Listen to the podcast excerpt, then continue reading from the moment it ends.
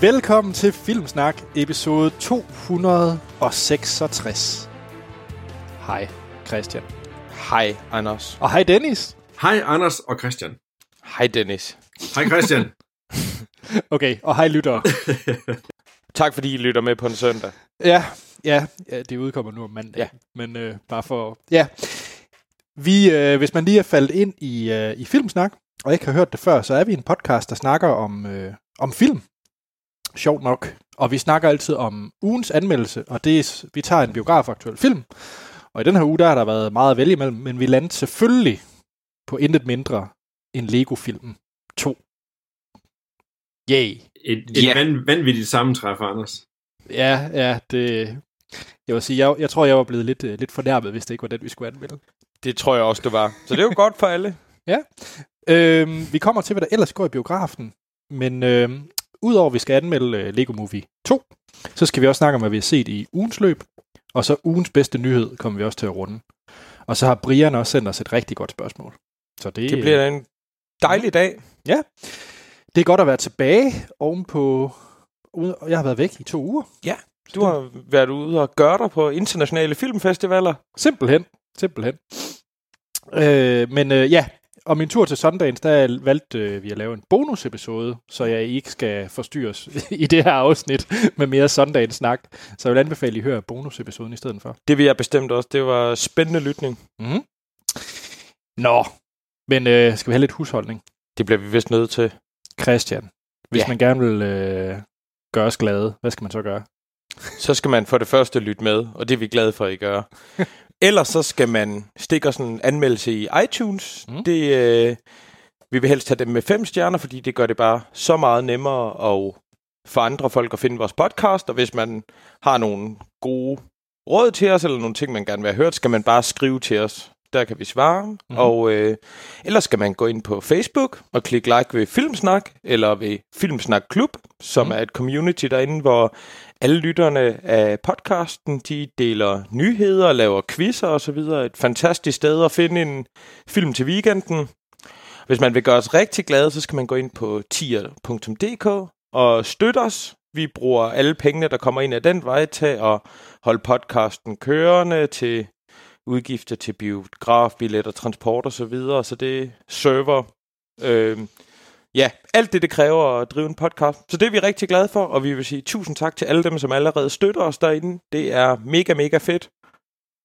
Det er i hvert fald sådan, jeg bliver glad. Jeg ved ikke, om der var noget, jeg glemte. Nej, jeg tror det sidste, øh, I kan gøre ligesom øh, Brian har gjort, det er, hvis I gerne vil stille os nogle spørgsmål eller kommentarer, så har vi også en e-mailadresse, Ja. som hedder podcast-filmsnak.dk. Og øh, det er et meget, meget lille gruppe af værtspanelet, der læser den mail, så I kan skrive ganske privat til undertegnet og Amal. Jeg Ja. tror, det er os to, der primært læser de mails. Nå, Dennis, Anders, du, øh, du har jo været i biografen for at se Lego-film, men ved du, hvad du er gået glip af? Uh, nej, jeg ved faktisk ikke, hvad min... Uh, hvad, eller jeg har lidt på fornemmelsen, hvad det var, jeg nedprioriterede der. Men, uh, men lad, mig få, lad os høre en anden mega fed tagline, der bare fortæller mig, at jeg har gået glip af den bedste Jamen. film nogensinde. Jamen, det skal du få. Og jeg vil sige, Kino.dk, som er, er leverer nogle fremragende taglines i den her uge. Så øh, de har leveret. Den første øh, film på programmet, det er Rolf er online. Ja, det er ikke nogen tvivl om, og det må være Ville Rolf ødelægger internettet. Hedder den ikke det på dansk, eller et eller andet? Smadrer. Nå, smadrer lige frem. Smadrer. Okay. Ja, ja, ja. Øhm, den vil jeg faktisk gerne se. Jeg var egentlig ret glad for den første uh, Wreck-It Ralph. Ja, jeg, jeg, kan heller ikke, uh, jeg kan heller ikke undsige mig, at den kommer jeg også til at, at, at se med, med børnene på et eller andet tidspunkt. Det gør jeg da helt klart. Jeg synes, hvis man ser traileren, der er så mange fine små uh, hints, og der er, det synes som, der er rigtig meget fanservice i den der, som både øh, store og små må øh, vil, vil værdsætte, tror jeg, og, øh, Ja. ja. og, og opdage. Altså, jeg, jeg bliver daglig, når jeg snakker især med min ældste søn, fanget i alle mulige fælder om, far, kender du den her YouTuber, eller har du hørt om det her, eller hører et eller andet lingo, som bare gør, at man som 42-årig kommer til at føle sig, som om man er nogen af 70, eller sådan en den stil, hvor man pludselig tænker, det der, det, det ved jeg ikke noget som helst om. Hvorfor fanden ved jeg ikke noget om det? Jeg ved da alt om nettet. Jeg læser Reddit. Jeg burde vide alt om nettet. Dennis, hvad er den mest populære YouTuber for tiden?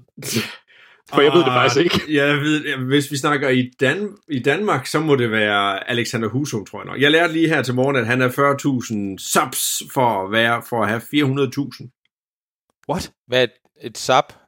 subscribers. Ah, tjek selvfølgelig. Nå, okay. Wow.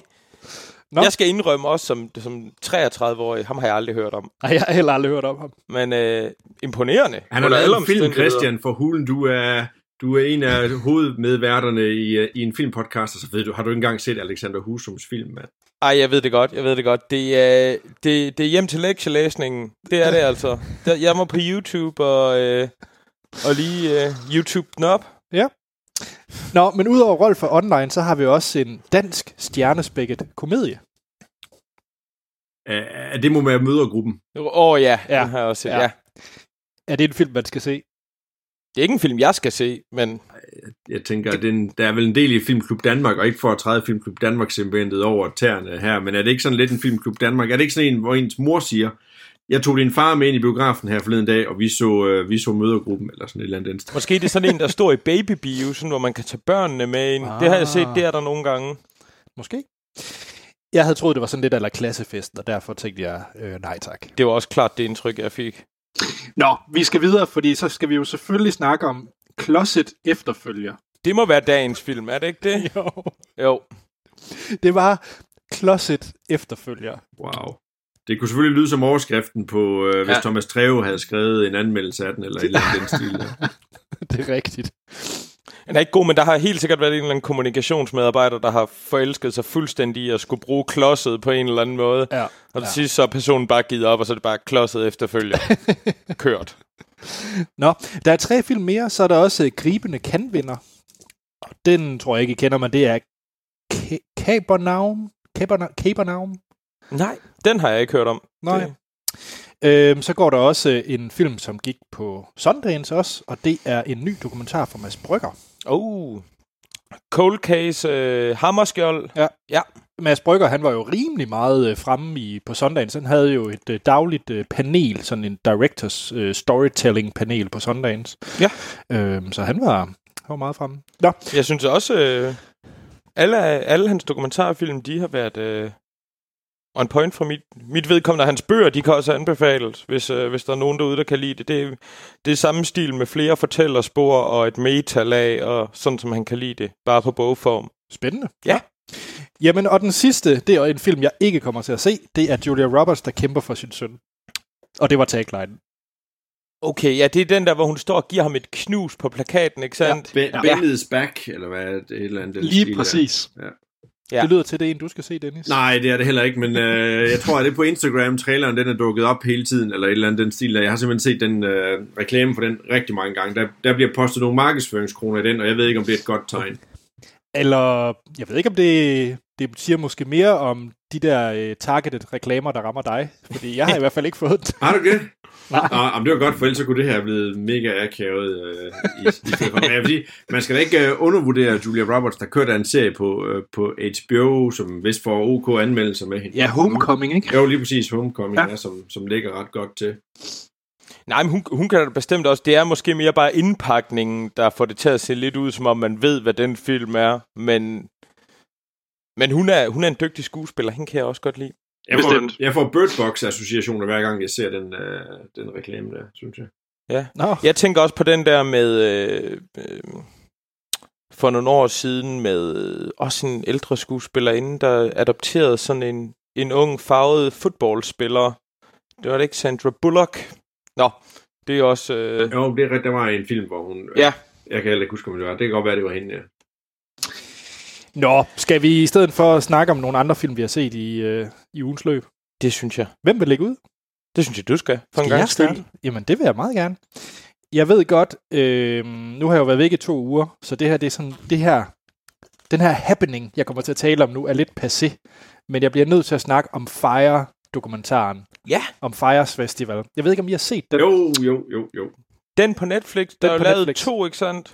Jo, der blev, Ja. ja. og det er jo øh, ikke siden øh, Deep Impact og Armageddon har der jo været sådan en øh, begivenhed i filmhistorien, at, øh, at to ens film lander på samme tid. Øh, og det var så Fire, The Greatest Party That Never Happened, som Ja. ja. en dokumentar på Netflix. Og så kom der en øh, dokumentar samme uge på Hulu, som vi så ikke har adgang til i Danmark, øh, men handler også om den her Fire Festival. Øh, begge dokumentarer kan man måske øh, skal man nok stille sig lidt kritisk over for, fordi at Hulu-versionen, de havde betalt øh, hovedpersonen, det handler om, for at være med i et interview. Og Netflix-varianten, de, den er lavet af det samme marketingfirma, som omhandler, omhand, øh, portrætteres i dokumentaren. Okay. Så, så begge to er måske sådan lidt... Øh, Det er vist det, man kalder troværdighedsproblemer, er det ikke det? og lidt. Men okay, de kan jo stadigvæk grave noget spændende frem, men det er da absolut vigtigt. Det er frækt nok. Det er Ja. slik. Okay. Nå, men ganske kort. Øh, først og fremmest vil jeg sige, man skal se Fire-dokumentaren. Ja. Fordi øh, jeg, jeg kan sige, at jeg anede intet om det her. Det er måske også, fordi jeg ikke kender Alexander Husum på, på YouTube. Men ja. jeg havde i hvert fald intet begreb om, at det her det var en ting, øh, den her festival. Jeg ved ikke, om, om I havde. Jo, jeg, øh, jeg kendte den fra, fra Reddit, hvor jeg, jeg, jeg læste en del tråde, imens det, det brændte ned, og Mm. så fulgte jeg, jeg lidt efterfølgende med, øhm, også fordi det var en spændende historie, Ja. og så fordi at en af mine start nuller, rapidoler, Ja Rule, jo så også var, var inde over det. Og hver gang Ja Rule skal udtale sig om noget seriøst, så lytter jeg med. Altså, det, øh, Okay. Og så også til dels, fordi du følger Alia Hadid og Kendall Jenner og Emily Ratajkowski på Instagram, Christian, det ved vi jo godt, men Altså, jeg kun, at Jenner-familien har jeg kun på Snapchat. Jeg mener, det er, det er der, de brænder igennem. Det er deres medie. det er deres platform, det er fair nok. Ikke? Jo. Det er dem på Snapchat, det er som at se Laurence Olivier opføre Shakespeare. Det er det simpelthen. Ja. ja. Nej, men jeg er var opmærksom på, at den var der, fordi Okay. at det var, jeg synes, det var en interessant historie, da det var både det kæmpe manipulationselement i også, hvor forfærdeligt det gik ned. De der unge privilegerede amerikanere, der lige pludselig rendte rundt med vilde hunde på Bermuda og så videre. Jeg tror måske lige for lytternes skyld, hvis I ikke, overhovedet ikke aner, hvad det er, vi snakker om, så ganske kort, igen, se dokumentaren, fordi den er virkelig, virkelig sjov og spændende og tragikomisk på mange, ja. øh, på mange måder. Men det handler simpelthen om, øh, ja, Ja Rule og en øh, entreprenør kaldt Billy McFarland, som ja. har tjent ustyrlige penge på sådan noget øh, hyr en celebrity til din fest-agtig ting. Ja. Øhm, og han vil så lave en sådan rigtig luksuriøs musikfestival for de der rigtige uh, Instagram uh, influencers, altså dem med styrtende af penge, og det skal være luksus. Så uh, han skyder en uh, dokumentar, eller sådan en, det er ikke en dokumentar, han skyder sådan en marketingreklame på uh, Bahamas, faktisk Pablo Escobars gamle ø, han har ejet, hvor at øh, det med en, på en lækker lystjagt og fine både og azurblåt hav, og alt er bare lækkert, og det er kun smukke modeller og, øh, og ripped øh, hvad hedder det, mænd, så, så det skal bare være rigtig lækkert. Øhm, og så vil du så gerne sælge den her festival, så de fyrer så sådan en Instagram-kampagne op, hvor så en masse får, øh, får solgt. Og nu skal jeg ikke spoil det der hele det, der sker, men pointen er, at den bliver udsolgt på ingen tid, den her festival. Og så øh, skal han jo så ligesom levere varen. Altså så skal de jo ligesom levere den her luksuriøse festival, de har solgt på Ja. den her reklamevideo. Og det er måske lidt tvivlsomt, om de har gjort det. Jeg tror måske ikke, der er nogen tvivl om, de har ikke leveret det. Nej, Det, det, det tror jeg ikke, man kan sige. Altså, Nej, nej. Og den er... Jeg synes faktisk, det var vildt sjov at se. Jeg, jeg morer mig faktisk ved det, og jeg ved ikke... Det er også unfair for mig, at jeg skal sidde og more mig over en masse unge mennesker, som, hvad hedder det, øh, har spildt en masse penge på at ligge i et... Øh, i sådan en øh, tornado-evakueringstelt, i stedet for et, en luksushyt. mens vildhulene glammer udenfor, og der er militære rationer. Ja, nej, men det er jo heller ikke... Det er jo ikke sjovt, og det er, vel, det er jo, det er jo selvfølgelig, øh, selvfølgelig tragisk og så videre, men det er, det er også lidt sjovt Ja. et eller andet sted. Altså, den, den kloge nar, den mindre kloge, og, og det er jo altid lidt skægt at se på. Jeg synes Især også, fordi- fordi... det her det viser jo også rigtig meget om, at prøv at høre, alle mennesker, alle medier, alle de sluger sådan noget her råt. Der er ikke nogen, der er kritiske eller undersøger det her. Det er jo selvfølgelig noget af det, det er derfor de her dokumentarer her, det er måske lidt sådan lidt, lidt overfladisk. Nu har jeg også kun set Ja. ja. den på Netflix, der fordi altså, de kunne jo godt have gået til øh, nogle, nogle andre medier end, øh, end Fuck Jerry og eksempelvis og så videre, og så sige, hvad, hvorfor er det, I ikke undersøger det her lidt mere til, til bunds, men alle de hopper fuldstændig med på den her hype øh, bandwagon, og jeg er ikke et sekund i tvivl om, næste gang der kommer noget i samme stil, så vil de også gøre det samme her, fordi at der er nogle store influencers, der har øh, der synes, at det her det er bare the shit. Men, men der er ingen form for, for kildekritik i noget som helst her. Jeg synes jo, det er det der, det, hvis man skal tage noget takeaway for det her, det er lidt det der er det uhyggelige i, i de her Helt ting, at det, det kommer bare, og så synes alle bare, det er det fedeste i hele verden. Der er sgu ikke nogen, der råber, hey, der er et eller andet mærkeligt her, hvordan kan man lave en stor festival på en ø, hvor der ikke er nogen infrastruktur eller sanitære forhold. Jeg vil faktisk sige, at de eneste, der, øh, der var kritiske, det var Blink-182, som valgte at melde fra. Ja, præcis. Og så er der fandme et eller andet i vejen, når Blink 182, de begynder at være kritiske. Hvis dit koncept det er så, så svagt, at Blink-182 siger, ellers tak. Ej, vi kommer ikke til troberne og spiller et enkelt sæt og fester en weekend og får penge for det. Altså, så det er der alle advarselslamper, de skal lyde. Men, øh, men, men tak til Twitter og hashtag ostemad, så tror jeg ikke, vi kan afsløre mere. Stærkt. Jamen, øh, det er en anbefaling herfra, synes jeg. Ja. Ja. Det er det. Og, og selv hvis man, man ikke gider se en dokumentar, så gå ind og find nogle af de artikler, der er skrevet om det, fordi det er virkelig et... Øh... Ja, det er, en, det er en spændende sag, og der er tale om manipulation på, altså masse manipulation til at få solgt de her billetter, og bare med et, et en fantastisk projekt. Ja. Så, som, som, som trainwreck er det også enormt interessant at læse. Yes. Nå, Dennis, hvad har du set? Jamen, jeg har set uh, Peter Jacksons næste store film, selvom det godt nok ikke er ham, der er instruktør uh, i den her, der, havde, uh, der havde premiere her hen over julen. Uh, Mortal Engines, som uh. den hedder, som, uh, jamen, jeg synes, traileren, den solgte mig fuldstændig, den her lidt, uh, lidt mystiske pige i det her post-apokalyptiske verden, hvor byerne, de kører rundt på, uh, på kæmpe store hjul eller laverfødder og, og æder mindre byer. Jeg synes, det så Ja. ja. øh, det ligner lidt en spændende præmis i, øh, i hvert fald, og der er et eller andet konspiration eller et eller andet mystisk med de her mennesker her, der bliver, der bliver ført sammen. Og så er der jo faktisk, øh, man skal sige, hovedrollen der i, øh, hvad hedder hun, Hira Hilmar hedder hun, øh, eller Hester Shore, som hun hedder i film der. Det fandt jeg ud, det er jo en islandsk skuespillerinde, der har været med i en hulens masse andre øh, ja, internationale produktioner også, og især tv-serier. Ja, hun er blandt med i Anna Karina, hvis man har set den. Den øh, er ret fin, synes jeg. Og er det ikke også den der, hvad hedder den, Misfits, eller et eller andet den stil der, hun også har været... Jo, det kan godt med et passe. andet- Nej, det er ham, undskyld, det er, den, øh, det er den anden, det er den mandlige hovedrolle, der har været med i den der. Jamen, hun har, jeg tror, hun har måske en eller anden uh, halvgod karriere på vej. Ja. Ja. Kunne jeg forestille mig. Hun gør det faktisk også uh, fint i den rolle her. Uh, filmen, den er pisseflot. Nu skal jeg ikke gå ind og afsløre alt muligt andet her, men det er en virkelig flot film. Altså, CGI'en, den, uh, den sælger virkelig. Den er, den er super, super fed. Men, men der, hvor jeg egentlig føler mig sådan lidt, uh, lidt, lidt, lidt snydt, det er jo egentlig, at det her, det er delen dyt med endnu en tween-film, hvor jeg uh, forsøger simpelthen at undgå at se alle de der tween-film. Så jeg har ikke set uh, Divergent og Labyrinth-film og alt muligt andet. Og jeg har ikke engang set nogen af de der Mockingbird-film, heller ikke, må jeg nok erkende. Det er i hvert fald ikke de sidste. Og lige pludselig så opdager jeg, da jeg ser den her, så hey, det er sgu da også en tween-film, det her. Hvad sker der for det? It's a trap. Ja, It's a lige trap. præcis, ja, it's a trap. Men, øh, men jeg var fanget af, det er den flotte film. Det er del med en flot film, ja. og CGI'en er meget, meget overbevisende, og, og stilen og så videre er i orden. Men historien og alt det andet der, det er skis med en tynd kop te, det må jeg nok erkende. Men det, ja, det passer måske godt ind i segmentet, det skal jeg ikke kunne sige, men Er den baseret på noget egentlig? Det er jeg faktisk lidt i tvivl baseret på en bogserie. Ja. Okay. Og det er måske også det, som den egentlig bærer så lidt præg af, fordi der er ikke rigtig nogen indblik i, andet end at der har været nogle store våben engang, der har udraderet verden, men man finder ikke ud af, hvorfor det egentlig giver mening at bygge den by her på jul, så jeg lige husker det. Okay, nå. Ej, det, er, det er lidt en skam, fordi at jeg så også traileren øh, i biografen, og den så vildt flot ud.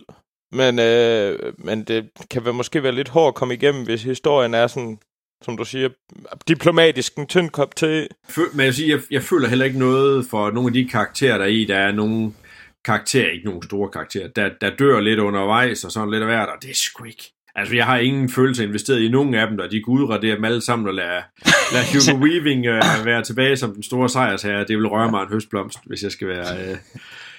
Ja, ja, Hugo Weaving er tilbage på, øh, på det store lærred. Ja, i en, i en Peter, Peter Jackson-produktion. Ja. Hvordan var det? Var, var han... Øh, var det... Øh, Elrond til Nej, det? det var egentlig Hugo Weaving på autopilot, øh, Nå. vil jeg sige. Ja, Han gør jo. det, som han er, han er bedst til. Jeg vil faktisk sige, han er, det er lige før, han er bedre med tysk dialekt som, øh, som Red Skull, end, øh, end i den her. Altså, det er bare, han gør bare det, som han kan. Han bruger bare lige hans, øh, hans sprog og hans accent, og så er det sådan set det. Et fun fact vidste de, at han var født i Nigeria. Nej, Nu ved I det. men det forklarer det hele. Ja. Nå, men jeg er lidt ked af, at du, øh, du kom med den her øh, anmeldelse, fordi jeg havde egentlig glædet mig til at se den. Og det er jo også sådan en film, hvor jeg føler, at hvis du ikke ser den i biografen på det store lærred med det voldsomme lyd, hvad er der så tilbage af filmen?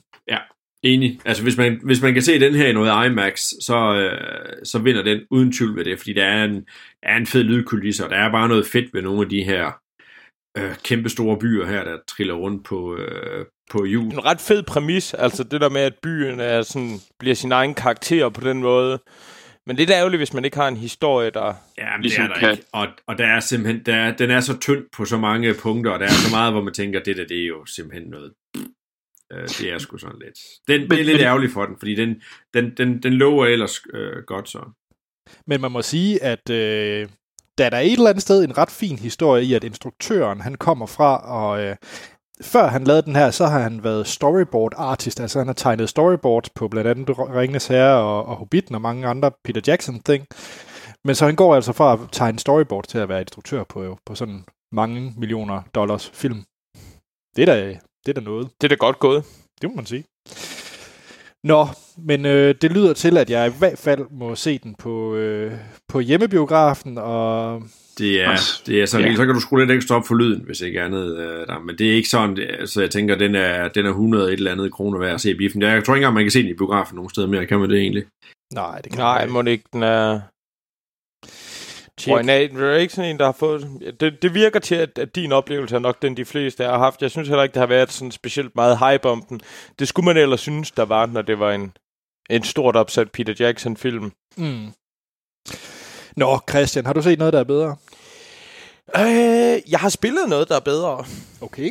Jeg- Spillet noget? Jamen, jeg, har, jeg bryder med formatet her, men det var efter, jeg fik mandat fra Action Morten til, at jeg gerne måtte. Ham har jeg haft boende på sofaen her i weekenden, og så har vi har spillet A Way Out, øh, som er et øh, co-op computerspil. Man kan kun være to til at spille det, med mange filmiske ambitioner. Det er derfor, jeg tager det med. Det er instrueret af Joseph Fares, den svenske instruktør. Øh, Fares Fares, kendt som Assad fra Journal 64, filmene øh, bror. Mhm. Og det er Fares Fares, som, øh, som øh, lægger stemme til en af hovedkaraktererne.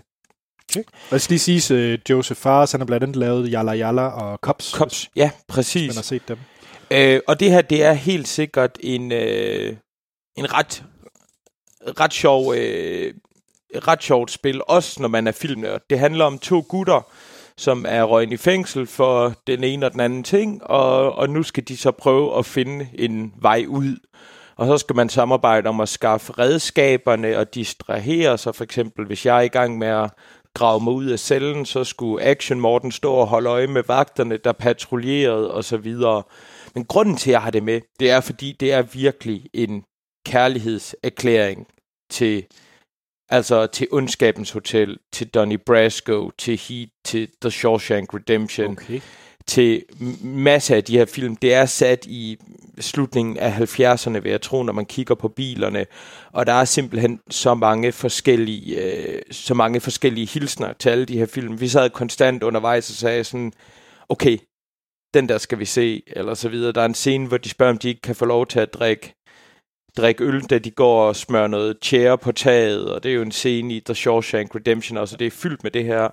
Og den måde, det foregår på, det er, at skærmen er delt op undervejs, enten i to forskellige perspektiver, man kigger på, og så klipper det som en film imellem de her to, så nogle gange er det ene mindre, og det andet større, nogle gange så fader de ud, når man kommer til et øjeblik, hvor historien bliver båret videre.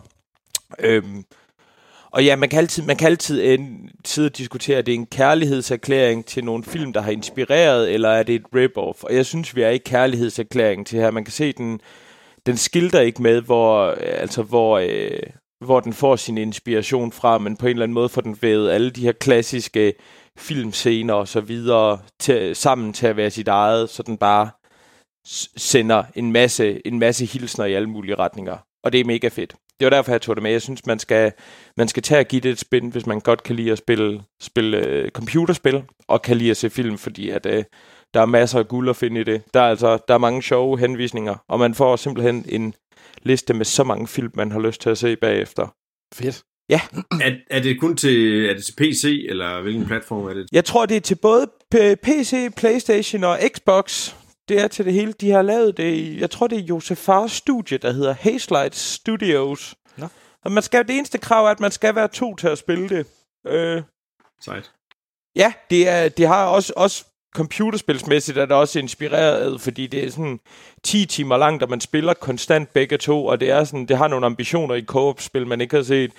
Men, men vigtigst af alt, fordi vi sidder og taler om her, så er det bare propfyldt med alle mulige hilsner til film. Og den måde, de klipper det, så det er simpelthen som at sidde og, og styre en film på den måde. Og det synes jeg, det var, det var mega fedt. Så det vil jeg gerne anbefale til, til folk derude, der mangler at slå noget tid ihjel, og har en eller anden legekammerat, de skal sidde og drikke nogle øl med og, og spille noget computer. Fedt. Jeg er solgt. Ja. Det, det skal jeg have spillet. Yes. Ja, Anders, hvad har du set? Jeg så en film på flyveren, eller det vil sige, jeg så mange film på, på flyveren. Men jeg har faktisk set en øh, film, som jeg var lidt ked af, så endte med at se på flyveren, for jeg kunne virkelig godt lide den, og det er en film, som Troels har snakket meget varmt om. Det er Bad Times at the El Royale. Ja. Øh, jeg ved ikke, om I har set den? Jeg så den efter, at øh, Troels han øh, anbefalede den til mig en gang. Mm-hmm. Har du set den, Dennis? Nej, jeg endte med at tage Aquaman den aften i stedet for. Ja, jeg ved ikke, hvilken af de to film, jeg helst vil se, men det, det, det kan vi tage.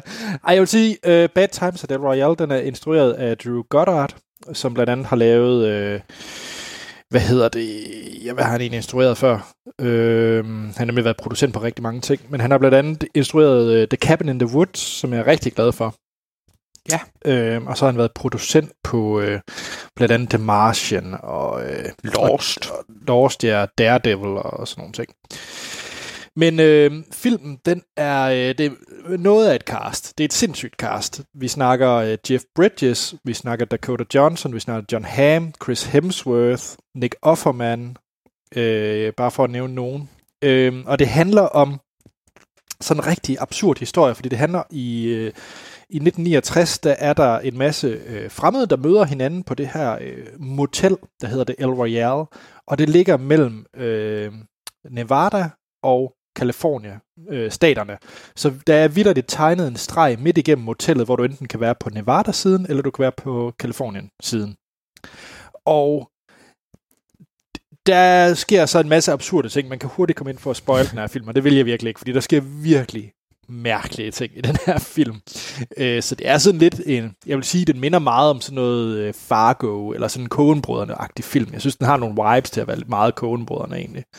Øh, så jeg vil i hvert fald sige, at alle de her karakterer, for eksempel Jeff Bridges er en præst og bla bla bla, alle karakterer er ikke, som de ser ud til at give sig ud for at være. Så der, der er twist på twist på twist. Øh, men jeg synes, det var virkelig, virkelig god. Jeg synes måske, den er en anelse for lang. Den er to og en halv time. Jeg synes måske godt, man lige kunne have kortet den lidt ned. Men, men udover det, synes jeg virkelig, den var fed. Så en klar anbefaling herfra. Ja. Ja. Ja, den er fed. Og en flot film, synes jeg også, på sin egen måde. Bestemt, bestemt. Chris Hemsworth er en flot mand. Så ja, står I bare ja, det er han også. Jeg mente, jeg mente også filmingen og oh. hele måden, det var sat op. Men ja, det er han absolut. Det er Jeff Bridges sådan set også. øhm. Check. Så det var en øh, anbefaling herfra. Jeg har, jeg har kigget på den et par gange, og jeg skal også nok komme til den, det er der ikke nogen tvivl om. Men jeg synes bare, jeg startede med at læse nogle halv lunkne anmeldelser, da den kom frem. Eller blandede ja. anmeldelser omkring den der.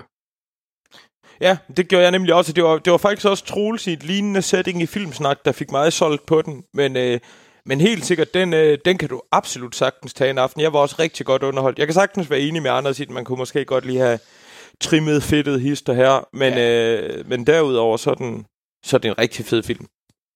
Bestemt. Dennis, har du set noget, der også er en fed film? Uh, jeg har set noget, der er en, uh, en, en fed serie i, uh, i stedet for. Vi har rundet den uh, ja. i, uh, i et tidligere afsnit. Også uh, Escape at Dannemora med uh. de her uh, to banditter, der, skal, der, der stikker af fra fængslet, baseret på, øh, på virkelige hændelser med en fangeflugt, der var i, var det i 2016, tror jeg det var, øh, stykker. Det er 15, fra et mener jeg det. 15, nå, ja, 15 der. Med, med, med, med to mand portrætteret af, af Benicio del Toro og Paul Dano, Richard Matt og David Sweat spiller de der i, øh, som, øh, som planlægger at stikke af fra det her fængsel. Øh, hvor Patricia Arquette, som jeg kan huske fra blandt andet Medium, som var en, en fed serie, jeg så i mine lidt yngre dage. Medium. Ja. Øh, hun spiller røven ud af bukserne, og hun har jo simpelthen også høstet, tror jeg, hvis sådan cirka alle de, øh, de pokaler, hun kan for den øh, indsats, hun, øh, hun har der. Eller hun, øh, hun laver i den serie her. Altså hun spiller delen dyt med også fremragende, og er virkelig, virkelig godt øh, sminket i den serie her også. Bestemt, bestemt. Altså, det er hende, der... er- Jeg vil ikke sige, hun bærer serien, for jeg kunne virkelig også godt lide Paul Dano og Benicio del Toro. Og det, og det er sjovt, fordi Paul Dano, han er, han er for mig er han sådan en, en stille eksistens, hvad skuespiller angår, men han har jo været med i et hav af store film. Øh, men det er egentlig ikke en, man sådan rigtig tænker over efterfølgende, at han har været med i den der. Altså jeg har det, jeg har det lidt på samme måde med David Morse, som nok er min yndlings supporting actor af, af alle. Altså han har været med i ufattelig mange serier, og det er sådan, man tænker, nå, er han også med i den? Nå, er han også med i den? Og han er sjov nok også med i Escape at Dannemora. Og han er sjovt nok også med i Escape at Dannemora, ja. Men jeg tror simpelthen, han er den mand, man lige tager ind fra indskiftningsbænken, og så øh, kan han gå ind, og så gør han det bare godt, ligegyldigt hvad man sætter ham til. Præcis. Var han ikke også 100. med i True Detective, eller husker jeg forkert? Nej, det synes jeg ikke, han var. Det kommer an på, hvilken sæson du mener, for jeg har ikke set sæson 2 af, af True Detective i hvert fald. Men hvis jeg lige hurtigt skimmer hans øh, igennem her, så har han ikke været med i True Detective. Nå, okay. Men han har været med i Medium. Ja. Okay. Jo, undskyld, han har været med i True Detective. Sorry, i øh, 2015, så det må være i første sæson. ja, okay. Jamen, jeg mener nok, at den... Øh, ja, fedt. Det er også den sæson, man vil lave af True Detective.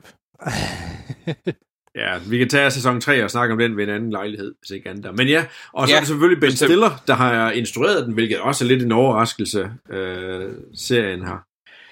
Øh, og jeg synes faktisk, det var en, øh, det var en, en fed øh, en fed serie. Altså, de spiller, de spiller godt i den alle sammen. Altså, som sagt, især Patricia Arquette og, og Paul Dano. Jeg synes, Benicio Del Toro, han gør bare det, som han er bedst til, bare ved at være en stille og rolig mand. Stille og roligt. Lige Ja, altså der er der så det ene afsnit, hvor man får indblik i, hvad de egentlig er for nogle typer, og der forsvinder i hvert fald den sidste form for sympati, man nogensinde måtte få for de mennesker her, hvis, man, øh, hvis der var det. Hold da kæft. Men- Men lige præcis det en øh, afsnit, synes jeg faktisk var en af de, de fede ting, serien gør, fordi de er jo i fængsel af en grund. Altså, det er jo virkelig ubehagelige mennesker, ubehagelige personer. Men efter de første fire afsnit, så begynder man jo sådan, fordi det er ligesom dem, man følger, begynder man at få sådan lidt langsom sympati for dem, og man begynder så der at hæppe med dem og siger, ja, ja, nu hedder filmen jo Escape at Dannemora, så det er jo ikke nogen hemmelighed, hvad der kommer til at ske. men, men hvad hedder det?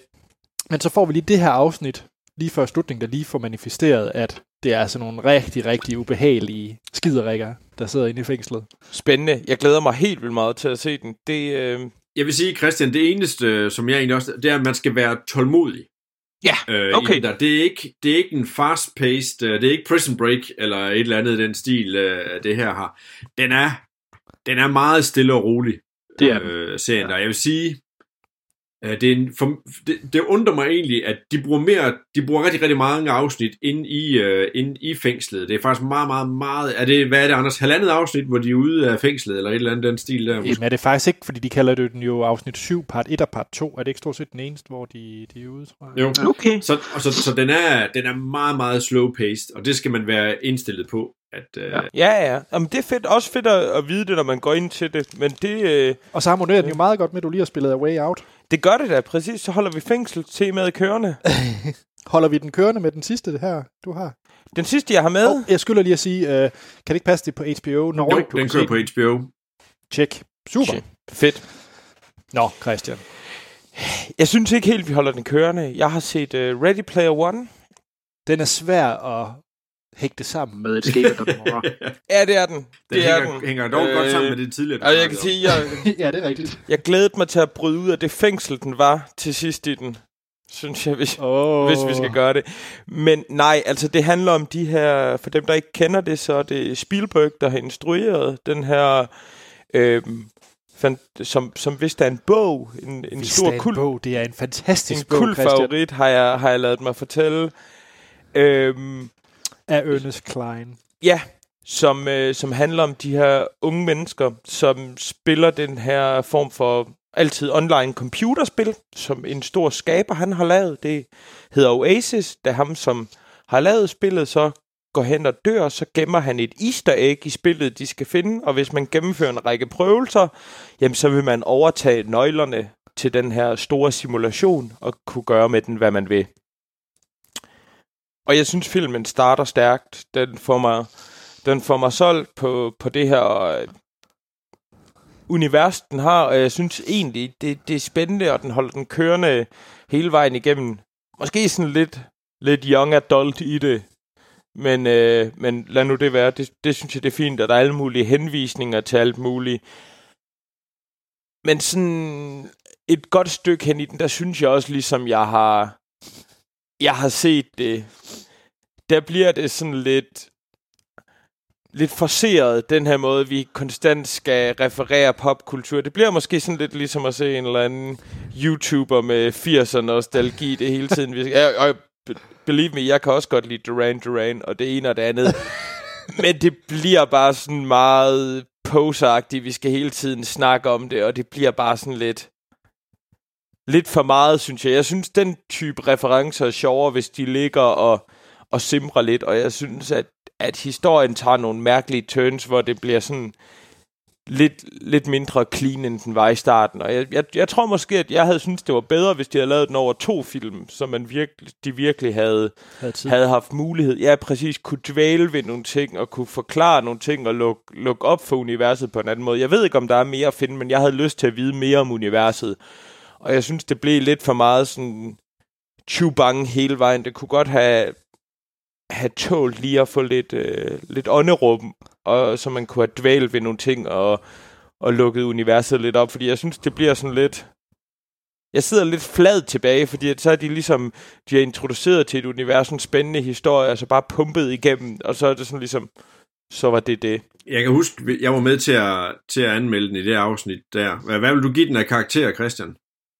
Jeg vil nok give den en, en toer, tror jeg. Okay. Jamen, jeg, jeg, jeg mener, jeg lå på en 3 dengang. Altså, du, Ja, det kunne du, det også have du, været. Altså, du er jo- skal tage og læse bogen. Jeg tror, Anders og jeg, vi havde vist begge to læst bogen øh, på Ja. opfordring fra Ja. en, en fælles kollega og ven, eller et eller andet siger. Øh, den er, bogen, den er aldeles fremragende, og, og bogen er meget, meget bedre end filmen, vil jeg påstå. Bestemt. Ja. 100%. Det, det er også det, det indtryk, jeg har fået fra alle sider, efter jeg har læst op på den efterfølgende. Det var egentlig også mest en, en, besl- en spontan beslutning, da jeg så den lige pludselig var online på Netflix, øh, og man kunne se den der. Jeg synes så stadigvæk, det er rart at se sådan en type Spielberg-film, i stedet for at det hele skal være 2. verdenskrig og, og tunge dramaer. Øh, så det er rart at se, at han Ja. faktisk godt kan lave noget, noget eventyrfilm igen. Det kan jeg også godt lide. Og hvis man skulle se Young Adult fra nogen, så skulle det være Spielberg. Så det er ikke det. Og det er egentlig ikke, fordi jeg synes, den er dårlig. Jeg synes bare, øh, fra, eller jeg synes, den måde, de har valgt at klippe filmen, og, og, og den måde, de, de toner frem, er, er ret dårlig. Men jeg fornemmer, at historien er god. Så den vil jeg 100% få læst. Ja, det, det Yes. skal du til at gøre, for det, den er, den, det er også en utaknemmelig svær bog at smække ind i, øh, i filmformat på, øh, på en eller anden måde. Det synes jeg. Jeg havde det egentlig på samme måde, men nu snakker vi om The Martian, har vi snakket om tidligere. Jeg synes, Martian-bogen er dobbelt så fed, som filmen er, selvom filmen også er god, så er der bare et eller andet ved, ved bogen, som er, som er endnu federe endnu. Men der er simpelthen så mange fede detaljer med i, i Ready Player One-bogen, der, gør den, der gør den værd at læse, især hvis man er sådan lidt over i den lidt nørdede kategori, som måske et par af os, der, der er med i den podcast her, er. Ja, det er kun en enkelt eller to, tror jeg, der er over i den kategori selvfølgelig. Men, uh, så vil man kunne genkende alt fra rollespil til Commodore 64 i den. Det er fremragende. Ah, men den, den vil jeg helt sikkert få læst. Og sådan synes jeg generelt også ofte, det er, at, at der tit nogle gange, man ser en film også, hvor man kan se, at det her, det ville bare være federe, hvis man læste det. Fordi der kommer et andet abstraktionsniveau, når du sidder og læser det med din egen indre monolog, end når man ser en eller anden, der står og lovsynger Duran Duran øh, sådan hele tiden, og så ja. videre.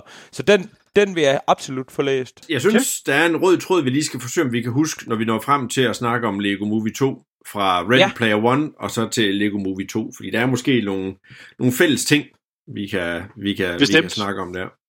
Bestemt. Men først, før øh, vi hopper til nyhederne, er der jo lige et spørgsmål fra Brian. Ja. Hej Filmsnak. Hej Brian. Hej Brian. Jeg elsker jeres podcast, og kan ikke vente til at høre dommen over Lego Movie 2. Anders må give den fem stjerner. det får vi at se. Uh, spørgsmål. Man kan jo mene, at Lego Movie er en stor product placement for Lego. Ja, yeah. Ja. det kan man da godt mene. Nå, Lidt ligesom Barbie-filmen er for Barbie. præcis. Eller Transformers-tegneserierne var for legetøjet. Ja. Nå, men øh, hvad er vores øh, favorit scene eller film, der benytter product placement? Øh, Brian han skriver, min er mængden af Nokia-telefoner i The Matrix. Det har ikke ældet med ynde. og jeg havde sådan en Nokia-telefon, hvor man trykkede på siden, og så kom det lige ud øh, nederst. Ja. Badass. Jeg kan også huske, en af mine venner, han fik den også, fordi at han kendte en eller anden, der arbejdede ved TDC dengang der i... Da Ja. Matrix lige var kommet. Det var måske mit største ønske dengang. det var Det, sådan en slide Nokia-telefon. ja, det, den var fræk. Det var den altså. Nå, men, øh, men Dennis, øh, har du en øh, favorit product placement film eller scene? Det er jo, det er jo jeg vil sige, øh, altså der, er- jeg, jeg er bekendt med en filmfranchise, hvor der er en smule product pla- placement i. Øh, hister her, den hedder James Bond, den, øh, den franchise. Og, og der er der en bil eller to blandt andet, og lidt teknologi hister her, og, og måske også et ur og noget alkohol, og nogle smøger, og alt muligt andet fra, fra levemandens øh, skuffer, der, der er der i.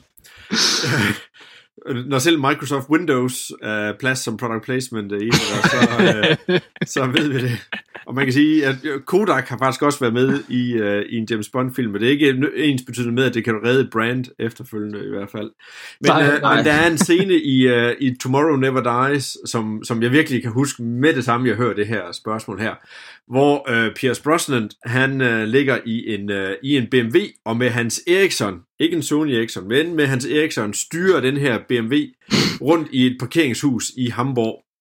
Det er rigtigt. Mens uh, Elliot Carters uh, goons, de, uh, de jagter ham, så ligger han vist omme på bagsædet og, og styrer rigtigt, ja. den her BMW rundt med hans, uh, med hans Ericsson-telefon der. Og der står BMW, og der står Ericsson, så højt alarmene smækket op i dit ansigt, konstant i den scene der. Og det er simpelthen så... Uh, det er så overdrevet, det der sker. Uh, der er så, så af en eller anden grund, så bing, lyser den fuldstændig ind. Man kan sige, det har været fuldstændig åbenlyst og sagt... Uh, Omega, eller Aston Martin, eller Bollinger, eller sådan en den stil der, der. men jeg synes, øh, det er sgu BMW og Ericsson, der, der jeg husker som, og det, det er sådan en overdrevet scene. Yndlingsscene, det ved jeg sgu ikke, om det er, men jeg synes, det er en overdrevet fed scene på en eller anden måde. Man, man kan styre en BMW med sin Ericsson klaptelefon.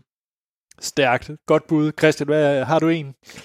Jeg, øh, jeg ved sgu ikke, om det er det bedste, det vil jeg sige, det er i tv-serien 30 Rock, hvor de blandt andet har en snabel-scene, hvor de sidder og meget åbenlyst laver product placement, men gør grin med det. Mm-hmm. Og det er fedt lavet. Men den, jeg mere tænker på, det er The Terminal fra 2004. Der lavede du også lige en Spielberg-crossover. Lige præcis, som er en af de dårligere Spielberg-film. Men det er jo her, hvor Tom Hanks han spiller en russisk statsborger, som bliver fanget i internationalt luftrum og ikke må forlade lufthavnen. Og det løser de så på den måde ved, at de product place, placer hele kulissen, fordi det bare er sådan en terminal, en mm. udenrigsterminal i en lufthavn, han går rundt i. Øh, og der er... Det er ikke særlig vellavet, men den er interessant nok at se som et bud på det. Altså, der er nogle, nogle scener, hvor han sidder og spiser Burger King, hvor, hvor det nærmest bliver food porn, den måde, øh, den måde kameraet, det, det dvæler ved det, og så videre. Øhm.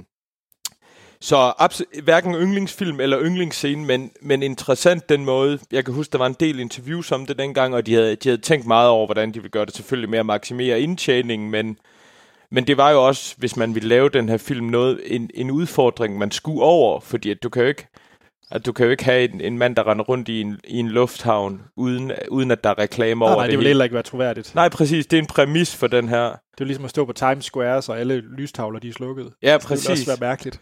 Og så et af de værste eksempler, jeg kan huske, det er fra den gamle danske tv-serie Ørden. Det var der, hvor tre lige havde introduceret det der videotelefoni, sådan Nå. grynede på de der tre telefoner.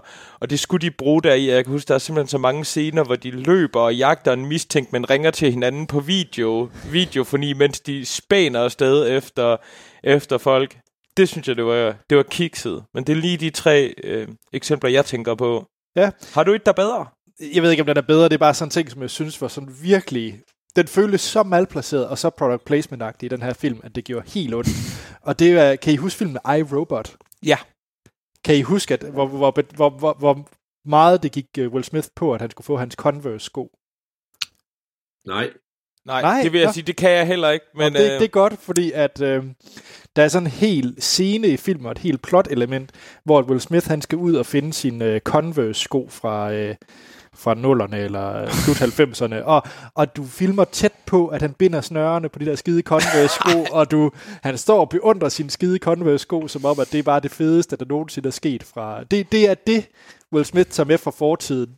Det er Converse. En hurtig Google-søgning, så kommer der del med en del images frem omkring det der. Ej, det er del med også søgt. Okay, man kan så også sige, at Converse, de røg så også ind i en massiv renaissance, ikke? Jo. Og, og blev trendy og så videre, så det virker jo. Men, du kan godt se på billederne, Dennis, at det er meget in your face. Ja, det er det, edderhug. Ja, det er det. Ja, jeg sidder også og kigger nu her. Det der whatsoever. Ja. Ja. Jesus. Han står og kigger på den, som om det var hans kone eller et eller andet. Det, er, jo- Han er meget glad for sin det Converse. er også nogle fede Converse, skulle så også lige sige. Ja. Hvis det skulle være. Nå, jamen øh, nu har vi vist også givet nok reklame til Converse. Skal vi op til ugens bedste nyheder?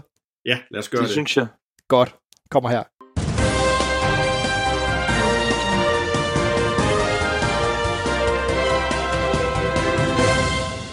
Nyheder fra Hollywood, måske. Ja. Eller Christian, du har nyheder fra et andet sted. Jeg har nyheder fra Tyskland. Nå, for søren. Øh, jamen, ugens bedste nyhed, er, synes jeg er, at øh, Lone Scherfis The Kindness of Strangers åbnede, hendes nye film åbnede filmfestivalen i Berlin her for et par dage siden. Første film i det officielle program. Den får så, må vi også nævne, desværre hug fra den internationale øh, filmpresse. De har ikke været pæne anmeldelserne. Men mit resonemang for, det var ugens bedste nyhed, er, at, at anmeldelser, det ved vi tre jo også, at det er jo subjektivt, det er jo bare, hvad nogle folk de synes. Øh, og det kan være, at de har ret, det kan være, at de ikke har ret, men jeg synes stadigvæk, det er flot, og et kado til dansk film, at, øh, at The Kindness of Strangers får lov til at, til at åbne hele det, det officielle program. Jeg har overhovedet ikke hørt om den her film. Det, øh, Nej, jeg havde heller ikke før, at, øh, før jeg, jeg læste nyheden om, at den skulle åbne dernede. Og så, øh, og så fortæller øh, velinformerede kilder mig, at, øh, at en film, man også skal holde øje med fra Berlin, det skulle være The Golden Glove af Fatih Akin, som skulle være en af, af de mere uhyggelige gyserfilm, der er set i længere tid, der handler om en, en seriemorder fra den virkelige verden øh, fra Tyskland i 70'erne. Og, øh, og jeg har ikke selv set den endnu, men bare de PR-billeder, man kan se på Variety.com, ser usædvanligt, usædvanligt klamme ud. Mm-hmm. Så der tror jeg, der er, der er garant for et godt gys der. Og jeg kan for lige se, instruktøren, han har, øh, jeg kunne ikke lade være med at kigge, men han har simpelthen lavet film in juli. Har I set den? Nej, Nå, den tærpede vi i tyskundervisning, hvor jeg skulle skrive essay om in juli. en juli. Nå. Nå. Det var, øh, det var lige et tidsspor, men øh, den giver mig bare øh, traumer tilbage til øh, tyskundervisning i gymnasiet. Ja. Så må han da også, med, med al respekt for, for dig og så videre, så må han da også have været i gang i noget tid, hvis du har, øh, hvis han har lavet noget, du har set i tysk undervisning, går jeg næsten ud fra. Den, den er fra 2000. Han har været, hans første film er fra 95. Ja, okay. Så. Fantastisk. Den skal jeg i hvert fald, øh, den skal jeg i hvert fald se. Det er der ingen tvivl om. Den ser, den ser forfærdelig ud på den bedste måde. Altså virkelig uhyggelig. Så det var min... Øh, ja, og så er der selvfølgelig en, en, en skam, at det ikke... Øh, at det ikke blev taget bedre imod, når vi havde en, en dansk film på en prominent placering. Men jeg ved, der sker en, der er en masse danske aktiviteter i Berlin også, så forhåbentlig så, øh, så bliver, ja. bliver de andre ting taget bedre imod. Og så øh, under alle omstændigheder rigtig flot, at, at vi fik lov til at åbne det. Bestemt, bestemt. Men mig lige om Lone Scherfi. Oh, hvad snakker vi om der af film? Hun er mest kendt for. Hun har lavet nogle af de der danske film der. Øh, Ja. hvad hedder det? Øh, Propper. An Education. Hvad hedder den nu på dansk? Ja, hun har også lavet øh, italiensk for begyndere. Nå, hun lavede italiensk for begyndere. Nå. Ja. Check. Ja, jeg ved faktisk ikke, hvad an education hedder dansk. Nu skal de prøve at se. En uddannelse. Ja, men jeg tror ikke, jeg tror ikke, jeg tror vist bare, det er den, øh, det er den danske titel også. Ja, det tror jeg nemlig også, ja. Hvad med okay. The Finest Hour, Anders? Har du ikke snakket om den tidligere? Jo, jo, jo, jo, jo. Fremragende film. Jeg elsker The Finest Hour. Eller The Finest, som den også hedder. Ja. Jeg kan også se Bill Nye, han er med i, et, øh, i hendes nye film. Naturligvis. Så kan jeg jo ikke lade være med at se den. Nej, den skal der ses så. Tjek. Jamen, øh, Og flamberet, en flamberet god- hjerter, der var hun instruktørassistent. Hold da helt ferie. Det er en film, jeg kan huske fra mine unge dage. hvad for Hun en? har også instrueret et, øh, et øh, afsnit af Taxa, hvilket jo også er. Og fle- seks episoder af Fleming og Beard. Ja, selvfølgelig. Hvad, hvad er Fleming og Berit? Ej, har du ikke hørt det? Jamen, Berit. Jul, jul i den gamle trædemølle, det var noget underholdning, der var på... Ja, med Peter Schrød og hele det der sådan... Sådan en, du ved, sådan en rigtig dansk 90'er sitcom-agtig. Sådan god og lun og Det siger plads mig til alle, og vi får en øl over hækken-agtig. Okay, nå. Jamen, det kan være, at jeg skal se det til næste gang. Ej, det behøver du ikke. Men øh, Åh, oh, det er godt. Ja, altså antropologisk, så er det selvfølgelig interessant, men, øh, men du er ikke gået glip af det store der. Ej, det, det skabte øh, en, øh, altså, hvad hedder det, det der med Fleming og Berit, der, det var, gjorde jo egentlig, at alle de gik også. Lidt ligesom Bob, Bob, Bob, da det kom frem, så var der også alle, der sagde, men Berit, dengang det kom frem. Ja. Det er sådan noget start 90'er. Øh. Det er fredag, og naboerne holder fest. Ja, lige præcis. Hold, hvad siger du, Ja. Berit? Holder de hest? Og så videre, og så var hele tiden sådan noget der. Okay, jeg tror, vi skal videre. Øh, skal jeg tage min nyhed? Fordi det, der er ikke, det er lidt af gurketid, føler jeg lidt i nyhederne. Undskyld, øh, Christian og Dennis, ikke at tage noget fra jeres nyheder. Nej, nej, nej. Men jeg synes, det har været svært at finde noget interessant. Men jeg tænkte, det er lang tid siden, vi har snakket om Marvel. Ja. Og vi skal jo helst snakke om Marvel i hver afsnit. Det er jo det er filmsnak DNA. Så øh, de har jo kørt øh, nogle test øh, visninger til øh, Avengers Endgame. Den der kommer her om ikke så forfærdelig mange måneder. Og øh, der viser det sig faktisk, at den version, de har nu, de har testet, er øh, tre timer lang. Og den er testet rigtig, rigtig positivt. Så det, det forlyder, at man regner med, at filmen vil blive tre timer lang. Avengers Endgame. Og det ved jeg ikke helt, om vi er parat til. Er vi klar på en Avengers tre timer? Jeg er mere end klar. Ja, Du er det, synes, klar. det synes jeg heller ikke mig. Det er kun fint. Nej. Ja, jeg synes, det, det viser dig, hvis de, hvis de mener, hvis de mener, at den holder, så brug tiden på at få det ud. De har jo masser af skuespiltalent der, og så videre. Hellere det end, at det bliver lidt for hurtigt, synes jeg, og man ikke får fortalt alle historierne. Ja. Jeg ved ikke, altså... Jeg håber dog, at der kommer... altså, for, for min øh, blære, så håber jeg, at der er en, øh, en pause midt i. Men øh, Jeg tror, har man Ja, ikke det- afskaffet de pauser i, i de lange film efterhånden? Fordi det er jo efterhånden ved at være standarden, at film er over to timer. Ja, det, det er ikke rart, men... Uh, Jeg er da glad for, at det ikke er, det ikke er Hans, der sidder her, fordi så har han skilt den had, og jeg er fra at brokke sig over, at de ikke bare har lavet den til to gange 45 minutter, eller et eller andet den stil. Ja, men jeg kan godt se, at der kan være noget logistisk med blæren, men altså som udgangspunkt, der har jeg det ligesom Dennis, der skal de bare, bare fylde på, og så vurderer vi det, det er. Hell, hellere det end, at de japper den igennem, og okay. Deler den op i to, det gider jeg simpelthen ja. heller ikke. ej, Åh, det havde også været grum, hvis det var Avengers Endgame part 1, og så kommer der lige en part 2 næste år. Nå, ja, jamen, øh, vi, må, vi må se, om må ikke vi får en ny trailer, inden den kommer i april. det kunne ligne, den kunne det. Dennis, din nyhed. Ja, men for, for 34 år siden, tror jeg vist det er nu her, der var der en instruktør, der hed uh, James Cameron, som lavede hans uh, allerførste uh, første blockbuster, der hed uh, The Terminator. Og til dem, der ikke lige kan huske den, så er det jo noget om i sådan en, en lidt trist fremtid, der har maskinerne overtaget uh, verdensherredømmet, og der er det menneskene, der, der, er- der er bagud på point. Og så er der så sket det, at James Cameron, efter han lavede den øh, film, der så blev han jo sådan lidt mere optimistisk og lavede, hvad hed den, The Abyss, og han lavede Avatar og så videre, hvor det egentlig viser, at øh, jamen, hvis der bare er nogle øh, miljøvenlige aliens omkring os, så, øh, så kan vi som regel godt redde verden øh, alligevel. Og jeg tror, han har været, vist været en del af den her Alita Battle Angel, der også snart kommer. Ja, han har været producent på den her. Ja, lige præcis som ikke, hvis Robert Rodriguez, der har instrueret den, er det ikke det? Men den får jo, den, jeg synes, den får sådan lidt blandet modtagelse, men lad os se, Ja. hvad der sker, når den, Ja. når den for alvor kommer i, øh, kommer i gang der. Men, øh, men nu er der nogle nyheder omkring, øh, hvad hedder det, øh, omkring Terminator, om at, øh, at han kommer tilbage igen, og det er jo første gang siden uh, Terminator 2, Judgment Day fra 91, at uh, Cameron han er tilbage i franchisen i, uh, igen.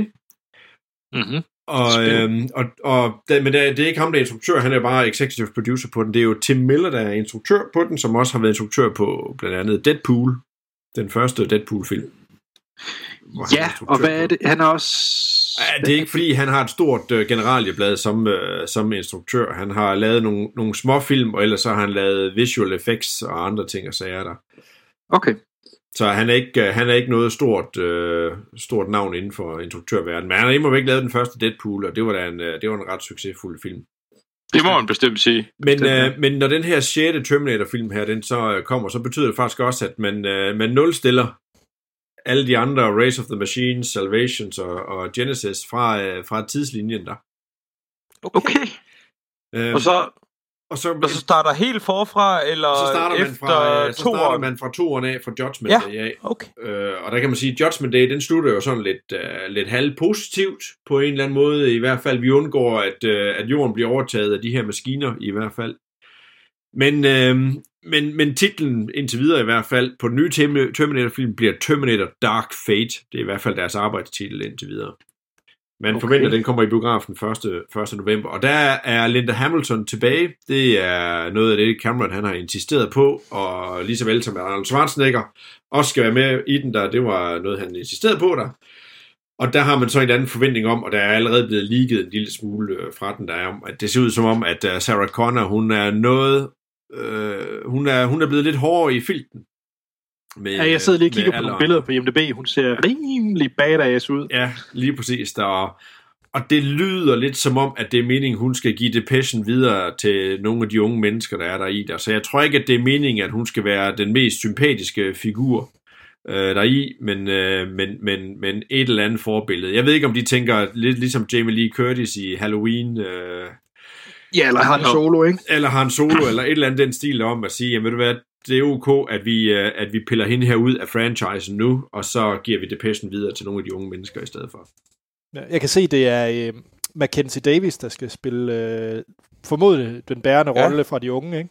Hun er fed. Hun er mega fed. Jeg er helt vild med hende. Hun er med i et af mine yndlingsafsnit af Black Mirror, blandt andet San Junipero. Der spiller hun vildt godt i. Okay. Så det var egentlig min, øh, min nyhed der om, at der er noget, der er noget spændende på vej øh, derfra, hvis ikke andet. Vel, så giver dig ret, øh, Anders. Det er sgu ikke, fordi det vælter ud med, med nyheder. Der er ret meget fokus på øh, Avengers Endgame, som du siger. Den får delen dybt med en del med mediebevågenhed. Jeg vil sige, forventningerne er kolo enormt til den film. Det er Jeg synes- helt vildt. Helt vildt. Og det tror jeg, jeg håber, den indfrier den. Det gør jeg altså godt. Jeg synes, din nyhed er god. Jeg vidste slet ikke. Jeg synes, at det er en spændende måde at komme ind i Terminator igen på. Ja. Jeg vidste godt, de arbejdede med noget, men jeg vidste ikke, at det var sådan... Men det gør mig bare så nervøs, når jeg kigger på James Camerons øh, IMDb, fordi han skal jo ikke instruere den, men han skal jo høre instruere Avatar 2 næste år, 2020, ja. den udkommer. Og han har ikke instrueret en, en featurefilm siden Avatar 1 fra 2009 Nej, han har jo bare siddet og skruet i 3D-projektering. i 11 år. Ja, Ja, så det er lidt spændende. Nå, men det er ikke det, vi skal snakke om. Skal vi øh, hoppe til anmeldelsen? Ja, yeah. det synes jeg. Jamen, øh, skal vi ikke høre en... Øh, skal vi høre den sang lad os det. Ja. Den kommer her?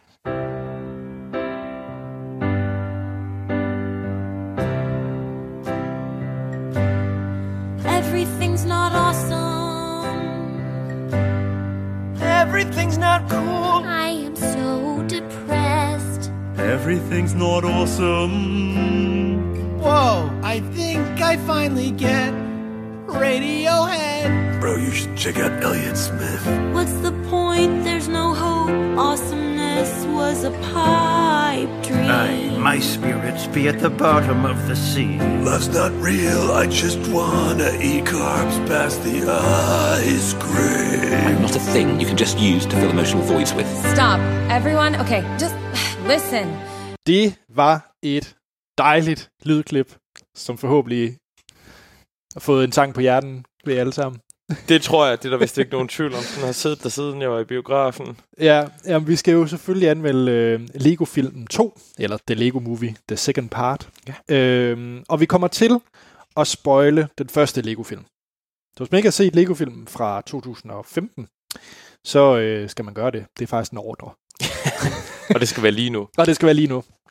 Øhm, og den måde, vi kører vores anmeldelser på, det er som altid, at vi øh, snakker om, hvad vi synes om filmen, uden at spoil, så vi vil ikke spoil Lego-filmen 2. Øh, giver den karakter fra 1 til 5, afslutter, og så spoiler vi løs på den anden side. Øh, jeg skal også lige skylde at sige, at jeg kom fuldstændig øh, biased i min anmeldelse, eftersom jeg arbejder for Lego, så skal jeg lige starte med at sige det. Så tag mine ord for, hvad I vil. Men øh, ja, det er lidt en uh, Fire Festival dokumentarsituation, vi har med at gøre her. kom, ja, ja, jeg er komplet inhabil i den her anmeldelse, men, øh, men derfor kan jeg da godt sige, hvad Ja, jeg mener ja, ja. alligevel. Når bare man melder det ud, så er det okay. Ja, jamen øh, hvad hedder det? Og vi har jo fået, øh, Dennis, du har jo simpelthen, det er jo egentlig en film til det yngre publikum også, tænker jeg.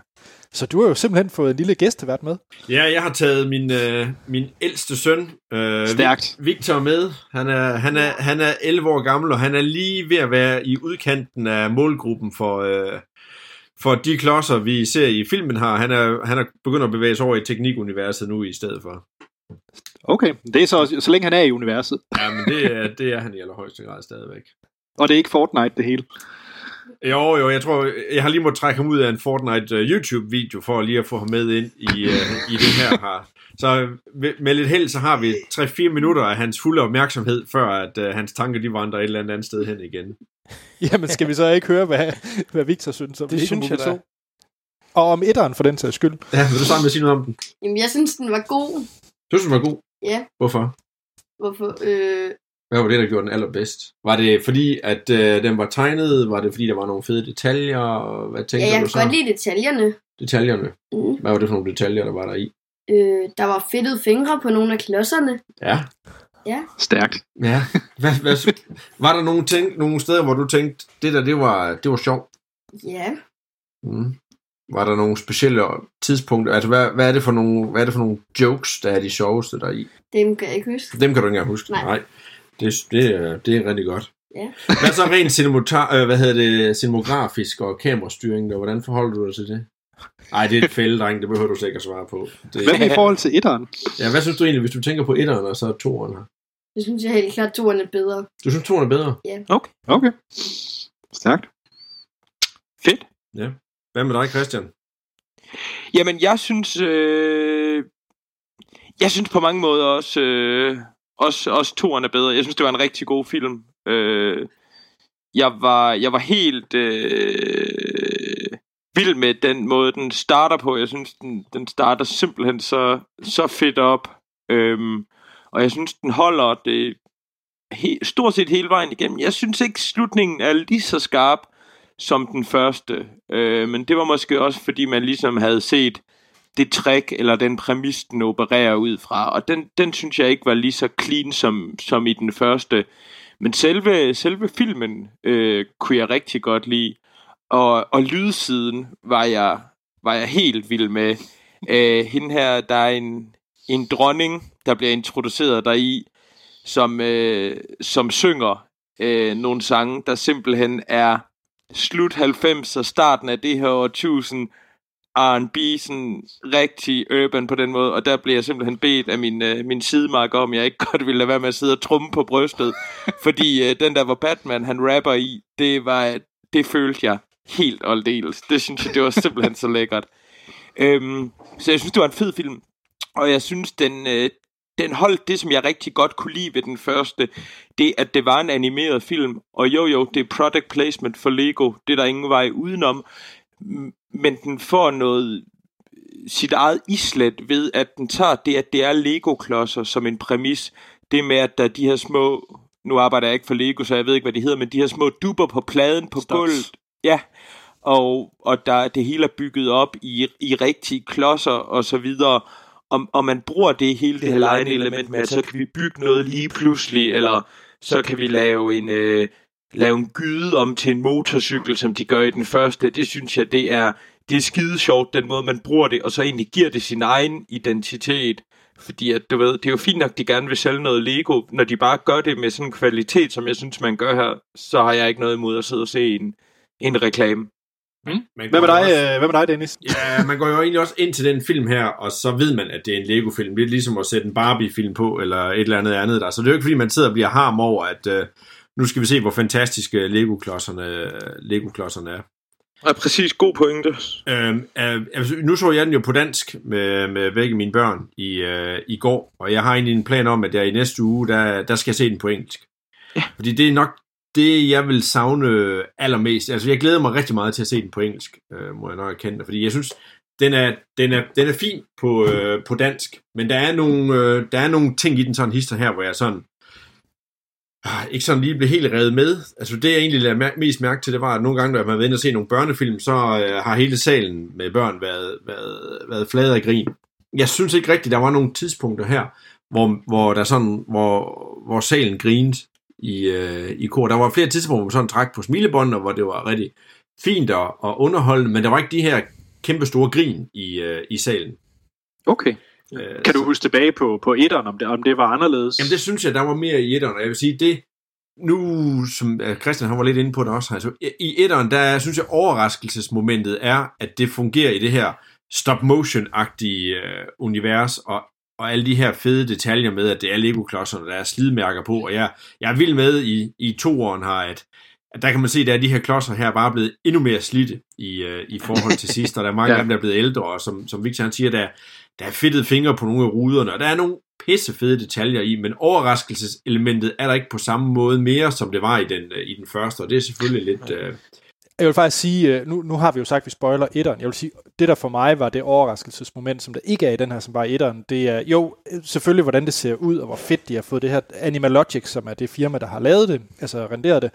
Øh, men jeg synes mere det der slutscenen i etteren, hvor man får revealet, at det er, hvad hedder det, Will Ferrell som faren, der har bygget alt det her nede i hans øh, kælder, og alt det her, altså alt det her, hvor den bryder, øh, hvad hedder det, den fjerde væg, ikke? Altså, hvor vi som siger, okay, det foregår i den virkelige verden, det her. Øh, det synes jeg var så stærkt et reveal, at, og det kan toren bare ikke genskabe.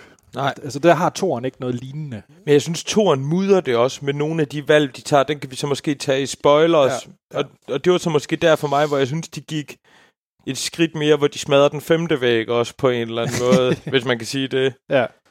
Men jeg synes, du har en god pointe, Dennis, i det der med, at, at, at der måske ikke var så meget, at der blev grinet så meget. Fordi da jeg var inde og se den, det var sådan kl. 21.30 til den eneste engelske visning, der var i Aarhus. Og der var der flere gange, hvor hele salen grinede. Men vi var også meget voksne mennesker, alle sammen. Og hvor meget havde I drukket?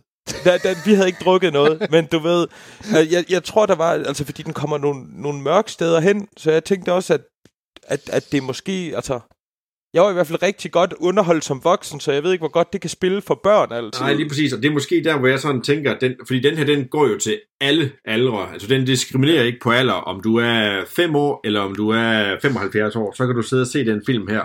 Jeg, jeg tror, vi har snakket om det med nogle af Pixar-filmene også, og så videre der, men jeg synes, især i de her Lego Movie-filmer, der er der rigtig, rigtig, rigtig meget service til, øh, til voksne mm. øh, i den. Der det er næsten lige før, der er mere service til voksne i den, end der er til børn. Der er nogle, nogle tidspunkter i den her, hvor, hvor der er vidigheder, der flyver hen over hovedet på, øh, på børn, som egentlig er en ret stor del af filmen, men jeg synes, øh, den kan vi lige tage, det er en ret stor spoiler at komme ind på den nu, men der er nogle, nogle henvisninger til nogle, til nogle ikoniske film og nogle ikoniske bøger i den ja. Sammenhæng, der er der, hvor den, den fiser hen over hovedet på de fleste børn. Og specielt også, altså der er en stor forskel, synes jeg, på, øh, på den her Lego Movie 2, og så de to foregående, Ninjago Movie og Lego Batman Movie. Man kan godt mærke, at den, her, den appellerer mere med voksenreferencer end Ninjago Movie og Lego Batman Movie. Vi gjorde. Ja, ja. Øhm, nå, jamen, øh, skal jeg dele, hvad jeg synes? Ja, meget gerne. Jeg synes faktisk, at den her, jamen jeg synes, jeg har, jeg synes, det er en utaknemmelig opgave at lave en toer til Lego Movie 1. Ja. Først og fremmest. Jeg synes, det er, det må være ret svært. Men jeg synes faktisk, den er vellykket, den her. Jeg synes, øh, jeg synes faktisk, den var sjovere på mange punkter end, øh, end etteren. Ja. Jeg synes, der var nogle, øh, nogle scener, jeg synes, der var vanvittigt skæg. Og nu vil jeg ikke spoil de cameos, der er i den her, men jeg synes også, det er nogle sjovere cameos, øh, end der var i etteren. Øh, jeg synes så, at alt det her med, øh, fordi det er jo så ikke en spoiler til toren, at der er også noget, der foregår i den virkelige verden, og ikke kun i Lego-verden, øh, givet hvordan etteren slutter. Øh, og det synes jeg virker knap så stærkt som, øh, som etteren. Nu ved jeg ikke, øh, Dennis, du har jo, øh, du har jo to børn, og faktisk en, en dreng og en pige, søskende. Fik du noget ud af det plot, som toren egentlig vil fortælle? Jamen, øh, det er faktisk sjovt, fordi jeg havde, det var det første, jeg sagde, da, jeg kom ud i, øh, da vi kom ud i bilen bagefter. Det var fanget i, hvad det var, og fanget i det, der var mellem storebroren og, og lillesøsteren. Og husk nu på det, når ja, vi kommer ja. hjem øh, bagefter, men øh, de har delen byt med allerede glemt det her til morgen, kan jeg bekræfte. Okay. Nå, Men det viser jo så bare, at den har fat i noget rigtigt, ikke? Det, det er noget, man kender derude. Ja, Åh, oh, ja. Nå, ja, så, så der bliver ikke delt så meget legetøj nu. Nej, nej, der, morgen. der, der er et eller andet der. Men jeg tror bare, det er en, øh, det er en søskende dynamik, vil jeg kalde det, som aldrig nogensinde kommer til at forsvinde. Så er den jo også værd at lave film om, kan man sige. Og det, altså, langt hen ad vejen fungerer det jo også fint nok, men man mangler bare lidt måske. Man mangler det der reveal, som i den første, fordi man kan se den komme. Og det er, som andre siger, fuldstændig sindssygt utaknemmeligt. Og så er det bare sådan... Så laver man den der klassiske fejl med, at man nogle gange måske, synes jeg, at man prøver at bygge lidt for meget på noget, der fungerer, gør det mere kompliceret, i stedet for bare at sige, det vidste de fra den første. Lad os bare double down på alt andet, og så vise, hvad vi kan gøre mere med det, uden at det skal blive for meget. Ja. Jeg vil så sige det her, som den her film også, jeg synes, gør, altså jeg synes ultimativt, den første har et specielt plads for mig i mit hjerte. Altså jeg synes, etteren er klart den bedste af Lego-filmene. Jeg synes, den er det så den næstbedste Ja. i, i forhold til de her Lego-film. Øh, jeg er rigtig glad for toren her. Øh, og det, det, jeg synes, toren også gør, det er, at der er mange mere sange. Altså det bliver meget mm. mere sådan musical-agtigt i den her, end den første var. Øh, du nævner øh, nummer med Queen, Whatever Wanna Be, eller hvad Ja. det er, hun hedder. Ja. Men der er jo mange andre sange Don't også. date Gotham, guys. Jamen altså, alt hvad hun synger, det er for lækkert, og det er for kælent, og det er bare spidse. Men ja, der er en god følelse, også fordi at det er sådan, sådan selve kulissen og, og, og, og de verdener, eller hvad man skal sige, vi besøger i den her, det er noget mere dystopisk end den første. Altså, den, den træk, træder speederen ned på det der plot, og det, det er ret fedt at balancere det ud med, Ja. med musical vibe, synes jeg. Må jeg komme med en meget, meget skamfuld reklame? Altså, for min skyld gerne. Og det koster gratis. Så er du ikke god til at reklamere. Nej, men øh, hvis man befinder sig i Billund-området, og nærmere bestemt forvilder sig ind i Lego House, så i foyeren, som er gratis at komme ind, der står faktisk alle de øh, Lego-sæt, som man har brugt i filmen, altså de, der rent faktisk er blevet brugt i, øh, Okay. i, øh, hvad hedder det, i optagelserne. Og det er jo ikke det, man kan købe på hylderne, altså fordi nogle af dem er jo sådan rimelig store og voldsomme. Altså Men- alle, alle, alle de steder, hvor de er bygget op som Lego sæt. Nå, okay. og også øh, det, som børnene leger med. Altså de sæt, der rent faktisk blev brugt af dem, de er udstillet i Lego House. Okay. Og det var lige en reklame. Det ved jeg godt, men det var en gratis reklame. Ja, og det var public service, det er da ret Det var spændende. næsten public service, ja. Så, øh, men nej, altså jeg synes, den er, den er sjov, og jeg synes, castet er virkelig, virkelig godt. Altså Chris Pratt som Emmett, Elizabeth Banks som Wildstyle, og jeg bliver aldrig træt af Will Arnett som Batman, og Nej, Alison Brie som Unikitty, og så videre. Så Nick videre. Offerman som Metal Beard. Præcis. Den Altså, fedeste karakter. Ham kan jeg virkelig godt lide. ja, ja, han er super sej. Altså jeg, jeg tror, Unikitty, det, det er lige mig. Ja, Jamen, det er også... Øh... Og jeg er lidt, og jeg er lidt ked af, øh, hvad hedder det, Dennis, du ikke har fået set den på, øh, på engelsk endnu, fordi jeg har svært ved at tro, at Tim Vladimir kan gøre det lige så godt som Chris Pratt. Det tror jeg nemlig heller ikke, han kan. Og der er jo mange andre øh, jokes, og som du selv siger, cameos i den her, som ikke rigtig ja. virker på andre sprog end på, end på engelsk. Og det er jo på en måde lidt ærgerligt for en børnefilm, som man ved, i alle andre steder i verden, der kommer den også ud på lokalsproget. Ja. Det skal siges, at Troels havde jo faktisk forberedt sig til den her podcast, og han har jo set den på fransk.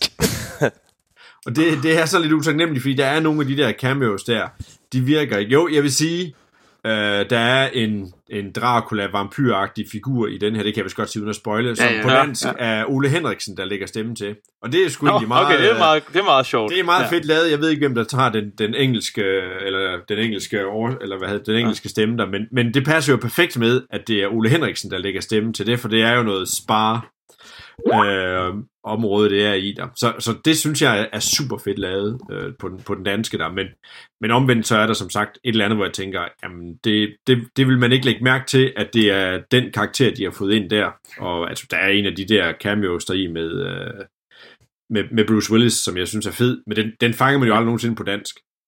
Nej, nej, nej, nej.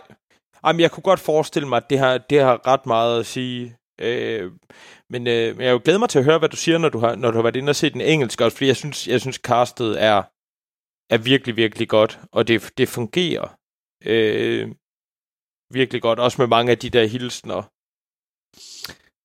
Og så, jeg, jeg må sige, at jeg er altså også ret glad for hele introduktionen af Duplo. Med de der... øh, Ja, ja det er super fedt. Jeg synes, de er vildt fede. Øhm, ja, altså jeg vil rigtig gerne snakke om cameos og alt den der, men jeg synes næsten, det er spoiler, er det ikke Det synes jeg også. Fordi jeg, jeg er simpelthen nødt til at vide, det kan du godt, må, tror jeg, sige, Dennis, uden at spoile det. Jeg er nødt til at vide, øh, skagtemanden, manden i skakten, hvem lægger den stemme til personen? Det er ikke nogen, øh, det ringer ikke lige nogen klokke om, hvem det var på dansk, hvor jeg nok erkendte, at jeg kunne Men simpelthen virkede ikke det på dansk, den reference? Nej, det gjorde det heller ikke. Jo. Øh, det gør det ikke Okay, rigtigt. check. for mig, der ved jeg udmærket godt, hvem det er, hvad det er, de henviser til dig. Victor, ja. Kan, du, kan du huske i Lego Movie 2'eren der? Øh, ham mand, der kravler rundt inde i, øh, inde i ventilationen. Mm. Jo, lidt. Jeg kan godt huske, Okay. at han var der. Okay. Men ved du, hvem det er? Nej. Nej, godt. Der fik vi vist svaret. øh. Bare Stærkt. tilbage til min tidligere pointe. Ja. Skal vi øh, hoppe til nogle spoilers? Og nogle karakterer. Og nogle karakterer. Tak, Dennis. Det havde jeg allerede glemt. Men øh, Dennis, vil du starte? Ja, Og jeg tænker, Victor, vil du ikke starte med at komme med, hvad, hvad vil du give den her film på en skala fra, øh, fra 1 til 5? Øh, lidt tættere på mikrofonen. fire. 4. Hvorfor vil du give den 4? Fordi at den var, den var sjovere end den første også. Og der var flere detaljer med i den her. Der var flere tal med i den. Ja. ja. Så fire Mm. tal? Ja. ja. Jamen, jeg, jeg bliver nok nødt til at gå en karakter under, under knægtens øh, her, og som, som vi snakkede om, det kan godt være, at den amerikanske løfter den karakter, men altså, jeg er jo fint underholdt og så videre der, men, men der er noget omkring slutningen, den fangede mig ikke øh, rigtigt, selvom budskabet er, er rigtig fint. Altså, jeg, jeg var godt underholdt, og det er nok til, at jeg giver den, øh, giver den 3. Godt underholdt, men det der moment of surprise, der var i den, øh, i den første, der, det, er, det er lidt væk, så jeg, jeg giver den 3. Stærkt. Jamen, jeg synes jo, at Victor han har fuldstændig ret, så jeg, jeg giver den også fire. Ja. Jeg giver den, øh, jeg synes Dennis han har fuldstændig ret, og jeg giver den også, øh, også tre. Jeg var sindssygt godt underholdt undervejs, jeg synes det er en virkelig, virkelig god film. Jeg synes den træffer nogle valg til sidst, hvor jeg tænker sådan, ah, det var lidt en skam, og det kunne man have gjort anderledes, men jeg synes ikke, det skal tage noget fra filmen, men jeg lander også på et, på et stort tretal. Ja, altså jeg vil, jeg vil give uh, Lego Movie 1 uh, 5, og jeg synes ikke, den der den kommer helt op på samme niveau, så det er derfor, jeg lander på et Ja. ja. firtal. Men, uh, og Lego ved, Movie 1, den havde fået en 4 for mig, og så lander jeg her. stærkt. Enig. Enig. I næste uge, øh, der ved jeg faktisk ikke engang, hvad vi skal anmelde. Nej. Det kunne være, at det bliver Alita Battle Angel. Jeg ved det ikke. Øh, eller en dokumentar om Jørgen Utzon. jeg, jeg, jeg tror, Troels får svært ved at se dokumentaren. Jeg kunne faktisk godt tænke mig at se den der Jørgen Utzon dokumentar. Det gad jeg også godt. Nå, men øh, tusind tak, fordi øh, ja, I var med, Dennis og Ja. Victor, ikke mindst. Hov, vi skal i øvrigt, vi anmelder Mary Queen of Scots i næste uge.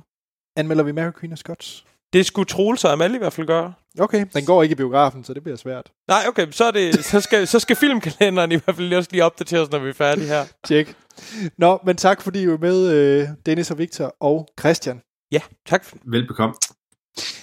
Øh, I kan jo som sagt øh, skrive ind til os på podcast-filmsnak.dk Giv os en anmeldelse på Spotify eller iTunes, hvis I kunne lide det, I har hørt. Og så er der tier.dk, hvor vi rigtig gerne vil... Øh, det er en stor hjælp, hvis I giver os nogle, nogle penge. Ganske enkelt. Bliv Øh, ud. Battleri som det er, men det hjælper os til at holde det kørende. Det hjælper os til, at vi kan refundere togbilletter, biografbilletter. Til at gøre, at folk kan komme ind og se Troels i, øh, i eksil i filmsnak.dk. Frankrig også, og så videre. Det er ikke en billig livsstil, han har dernede, Janis. Nej, det er det ikke. Vi, vi holder altså levemanden kørende. Det gør vi. Der skal, der skal køres nogle baguettes ind. Shit, nogle bilag, der kommer dernede fra. Ja, for satan. Ja, så endelig øh, støt os på tier.dk eller send baguettes. Ja, Øh, præcis. Tjek. Øhm, og Filmsnak Klub er det sidste, jeg lige vil nævne. Hop derind. Det er altså der, der det sker. Simpelthen. Det er det bedste sted på Facebook. Ja, jamen øh, jeg, Anders Holm, jeg kan findes på Twitter og Letterboxd, hvor jeg logger alle de film, jeg ser, og der hedder A.T. Holm. Dennis? Jeg er at finde på øh, Twitter og Letterboxd under navnet Dennis BP. Christian? Ja. Jeg er at finde på Twitter og Letterboxd med en ambition om at logge alle de film, jeg ser. Men det bliver, sker ikke altid, men der er jeg under CG Skovbo. Stærkt. Så er der ikke andet at sige, end at vi lyttes ved i næste episode. Må jeg godt bare spøjle løs. Hvis man ikke har set den, skal man slukke nu. Christian, skal vi åbne en, øh, en Lego Movie 2 minifig? Det synes jeg, vi skal. Oh, Og så kan vi... Product placement igen, det er så crazy. Ej, men Ja. altså, den, den store, den store uh, upartiske anmelder, han står og åbner filmsnak kassen, så ligger der Lego underbukser dernede. så man vidste, det ville blive en god anmeldelse, ikke? Der vil komme en høj karakter. Jeg tænker, det her det er alt sammen en del af spoilersegmentet. Alright, fair nok. Øhm, skal vi snakke... Nu larmer vi altså lige lidt, fordi vi åbner en øh, pose med Lego. Er det, ikke, er det ikke god podcasting, Dennis? Det er virkelig fremragende. Det er næsten, lige om lidt, så begynder vi at lave mad, fordi det er også pisse godt Ja. ja. at gøre. Jeg fik Lucy, du. Du, fik, du har både fået Emmet og, Og Lucy. Lucy. Stærk. Jeg kan ikke åbne den her pose. Du må få den der også. Jamen, tusind Så tak. snakker jeg imens. Hvad hedder det? Spoiler til Lego Movie 2. Og Dennis, vil du have den utaknemmelige opgave om at genfortælle, hvad der sker? Ja, øhm, efter vi har fundet ud af, at øh, President Business, han, øh, han var Will Ferrell, altså var faren i den, øh, i den første der, så er der jo, så øh, er alt egentlig fryd og gammel, indtil øh, der dukker en, øh, nogle andre op, der vil lege med, i form af nogle øh, forfærdelige, store, voldsomme duplofigurer. Ja. Så de kommer ind i den her øh, verden her, og de ender faktisk med at smadre hele den, øh, den fantastiske verden, der er bygget op, og så det bliver sådan i løbet af fem år et nærmest dy- dystopisk Mad Max-agtigt scenarie, hvor man bor ude i en ørken i stedet for. Men, men Emmet, den evige optimist, han siger, at det her det kan simpelthen ikke passe, så han, øh, han bygger et lækkert hus til ham og Lucy, og siger, her skal vi bare have det godt, og så kan vi få alle andre med til at have det godt også. Og Lucy siger, voks nu op, Emmet. Vær nu en mand nærmest der.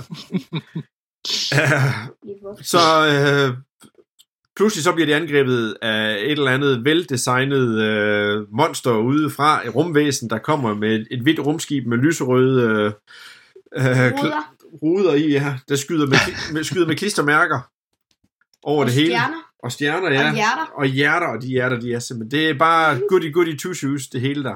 De, øh, hvad hedder det, de bortfører fem figurer, alle Emmets venner, Men ikke Emmet. men ikke Emmet, nej. Og så er det sådan set op til Emmet at øh, komme hen og få, øh, få befriet de her fem igen, fordi at øh, de er ved at lave noget, der hedder, hvad hedder det? Armageddon, det hedder det ikke. Nej. Det hedder, hvad hedder det? Det hedder et eller andet på dansk, jeg kan ikke huske, hvad det hed. Et eller andet sted, som rimer med på Armageddon i hvert fald. Mormageddon, et eller andet. Ja, det var sådan et eller andet mor noget. hedder det vist på dansk. Um, ja. Og det kommer til at ske sandsynligvis, når Emmet og øh, jeg, kan være, jeg kan blive, hvad jeg har lyst til. Dronningen, jeg kan blive, hvad jeg har lyst til, tror jeg, hun hedder på dansk. Når, når de bliver gift. okay. Klokken kvart over fem. Klokken kvart over fem, ja. Øhm, og det vil skal Emmet under alle omstændigheder forhindre. Så han øh, øh, fu- hvad hedder det, møder, mødes op med en, der hedder Rex, Rex. Rex Farlig Vest. Ja. Han er Hedder alt han det på dansk? ja.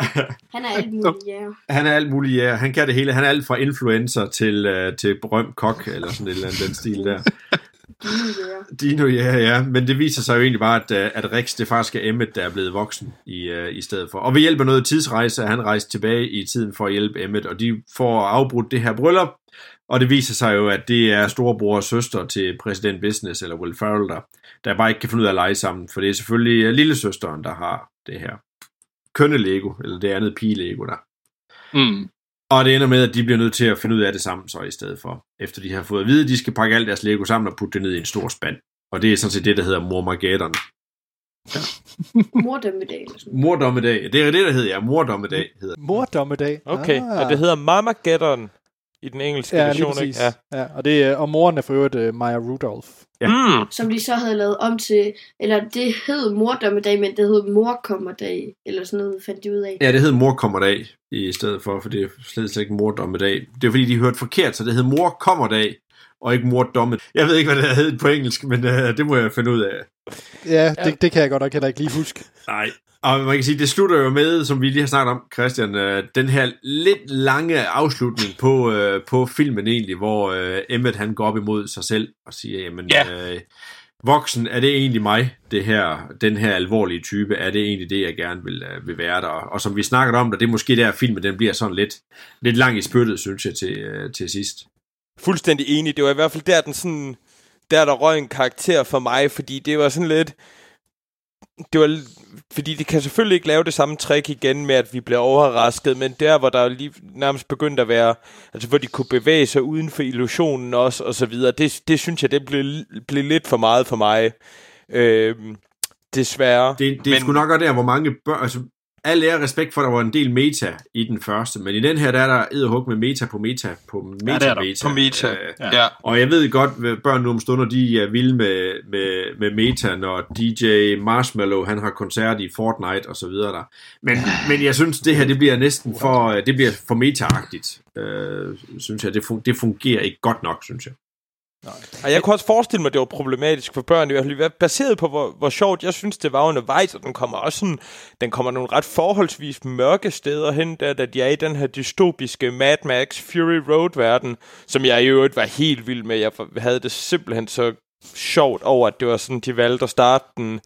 Øh, men, men den kommer sådan, den taler om krig og ensomhed og nogle ting, hvor jeg måske tænker sådan, okay, hvis man ikke lige har de der abstraktionsniveauer, som sådan nogle ødelagte voksne mennesker, som også har, så er det måske svært at se det sjove i det. Det er fuldstændig. Men hvad, altså, jeg, Ja, altså, jeg synes lige øh, med cameos, jeg synes klart den bedste, også den vi lige kort talte om, inden vi rendte spoiler, det var jo selvfølgelig øh, Bruce Willis i, øh, i skakten. Det er altså en absurd cameo, synes jeg, at tage med. Ja, men, men meget skæg. Men udover det, så var der jo selvfølgelig en masse øh, DC-karakterer. Der var blandt andet øh, Channing Tatum, der lagde stemme til Superman, og Jonah Hill til Green Lantern, og Jason Momoa som Aquaman, og, øh, og hende fra How I Met Your Mother som Wonder Woman. Øh, så, øh, så der var nogle ret, ret fede cameo, synes jeg. Det er der, og jeg, og jeg, jeg, jeg er da også vild med, at de har tre udgaver af Wonder Woman med, øh, for de tre forskellige Lego, øh, eller for tre forskellige Ja. Lego Der er brands. en mega tyk eller aflang Duplo-model af hende. Ja, lige præcis. ja, det er rigtigt. ja, det fungerer rigtig godt, synes jeg. Generelt så er det...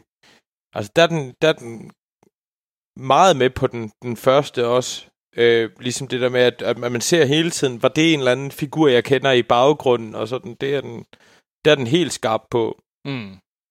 Og for mig, der er 95% af filmen pissefed. Altså den måde, de, de starter med at, at bare full on 20 minutters Mad Max og Ja. ja. The Last Jedi mashup, det synes jeg, det var, det var vildt, og det var slet ikke en retning, jeg havde regnet med, det ville gå i, at den ville, ville fyre den så meget af, og det var virkelig, virkelig fedt. Var, var der egentlig ikke Marvel-karakter med i den første? Øh, jo, det var der. Øh, der er jo en lille forklaring her med, at de forsøgte at ringe til Marvel, men de tog ikke telefonen, Ja. eller sådan et eller andet den stil, der synes jeg, de sagde. For Det de, de, de de, ja, ikke også? De spurgte Jo. efter dem, øh, der sagde, hvor er... Jamen, de, De tog er ikke- travlt. De er travlt, ja, de tog ikke telefonen, eller et eller andet den stil, der, ja. men, men den anden meta, jeg refererede til dig, det er jo en af den, hvor de forklarer tidsrejsekonceptet, det her med, at jeg tog og blandede uh, DeLorean og H.G. Wells, og der var to-tre andre referencer En til tid. Ja, den der TARDIS og så videre der. Og det er jo ting og sager, der fiser helt hen over, over de fleste børns hoveder, at man uh, tager alle de her har, har du ikke vist uh, Victor tilbage til fremtiden endnu? Han har ikke set Tilbage til Fremtiden, han har heller ikke set Ej. Doctor Who, og han har heller ikke set, uh, hvad hedder den, Val Kilmer, uh, filmatiseringen af tids, tids hvad hedder den nu, uh, den der H.G. Wells. Time, Øh, time, øh, time nå ja, Machine, ja, ja. øh, der, og så videre der. Så, nej, øh, men, øh, men det er helt klart på to-do-listen. Jeg skal lige have fundet ud af, om det bliver Indiana Jones først, eller om det bliver Back to the Future, men øh, det, det må vi se. Indiana Jones. Ja. Nå, det er, noget, det er en anden snak, men ja, det, jeg synes også, det bliver lidt for meget. Jeg var virkelig godt underholdt, men jeg er også ret langt uden for target audience på den måde. Ja. Men jeg synes, det er fedt, at de laver en animeret film, der tør komme de steder hen. Altså, det viser noget mod, og som vi har talt om nogle gange, det er også utaknemmeligt at skulle lave en toer på mange måder. Men, men, men modigt og så videre. Men jeg, og, og nu skal det ikke være rent negativt. Jeg kan, jeg kan rigtig godt lide den der med at sige, ved I hvad, find nu lige magien igen med at sidde og lege med klodser. Det kan I godt gøre øh, sammen i stedet for. I behøver ikke at bygge hver jeres op. Det der i, øh, i stedet for. Og jeg, jeg er vild med den måde, slutningen egentlig er på, og så sige, jamen, hørte du slet ikke efter dronningen sang jo, at hun ikke er ond. Så hør nu efter, hvad det er, hun, hun synger. Jeg synes, Det er virkelig ikke særlig overbevisende. Nej, lige præcis. Det var overhovedet ikke spor overbevisende, så man var overbevist om, at hun vundet. Og jeg synes, det er en fin lille twist, de smider ind i den. Øh, på Ja, den måde. ja, helt sikkert. Helt sikkert. Det, generelt, og den havde rigtig mange fine budskaber, både også det der, ikke, og, og, og det der med, at man skal lege sammen, og vi kan godt dele og så videre. Så på den måde, der er den jo også helt on point. Det er en, en rigtig, rigtig fin De film. sagde jo så, at de ikke vidste, hvordan de skulle snakke til dem. Hvis man skulle snakke til dem. Ja, Hvad dem, øh, hende dronningen og hendes mænd og sådan noget, eller befolkningen, de sagde, at de ikke vidste, hvordan de skulle snakke til dem, så hun prøvede at gøre sin stemme mere hård. Nå ja, fordi, at, selvfølgelig Ah. fordi lillesøsteren ved ikke, hvordan hun skulle kommunikere med storebroren. Ah, fedt. ja, ja, det er, det er rigtigt. Det er rigtigt. Skide godt. Jamen, skal vi sige, det var Lego-filmen 2? Ja, lad os sige det. Så ser vi om... Øh, og, ja, og Victor, du er jo gans, du er meget klar til næste, næste podcast-runde.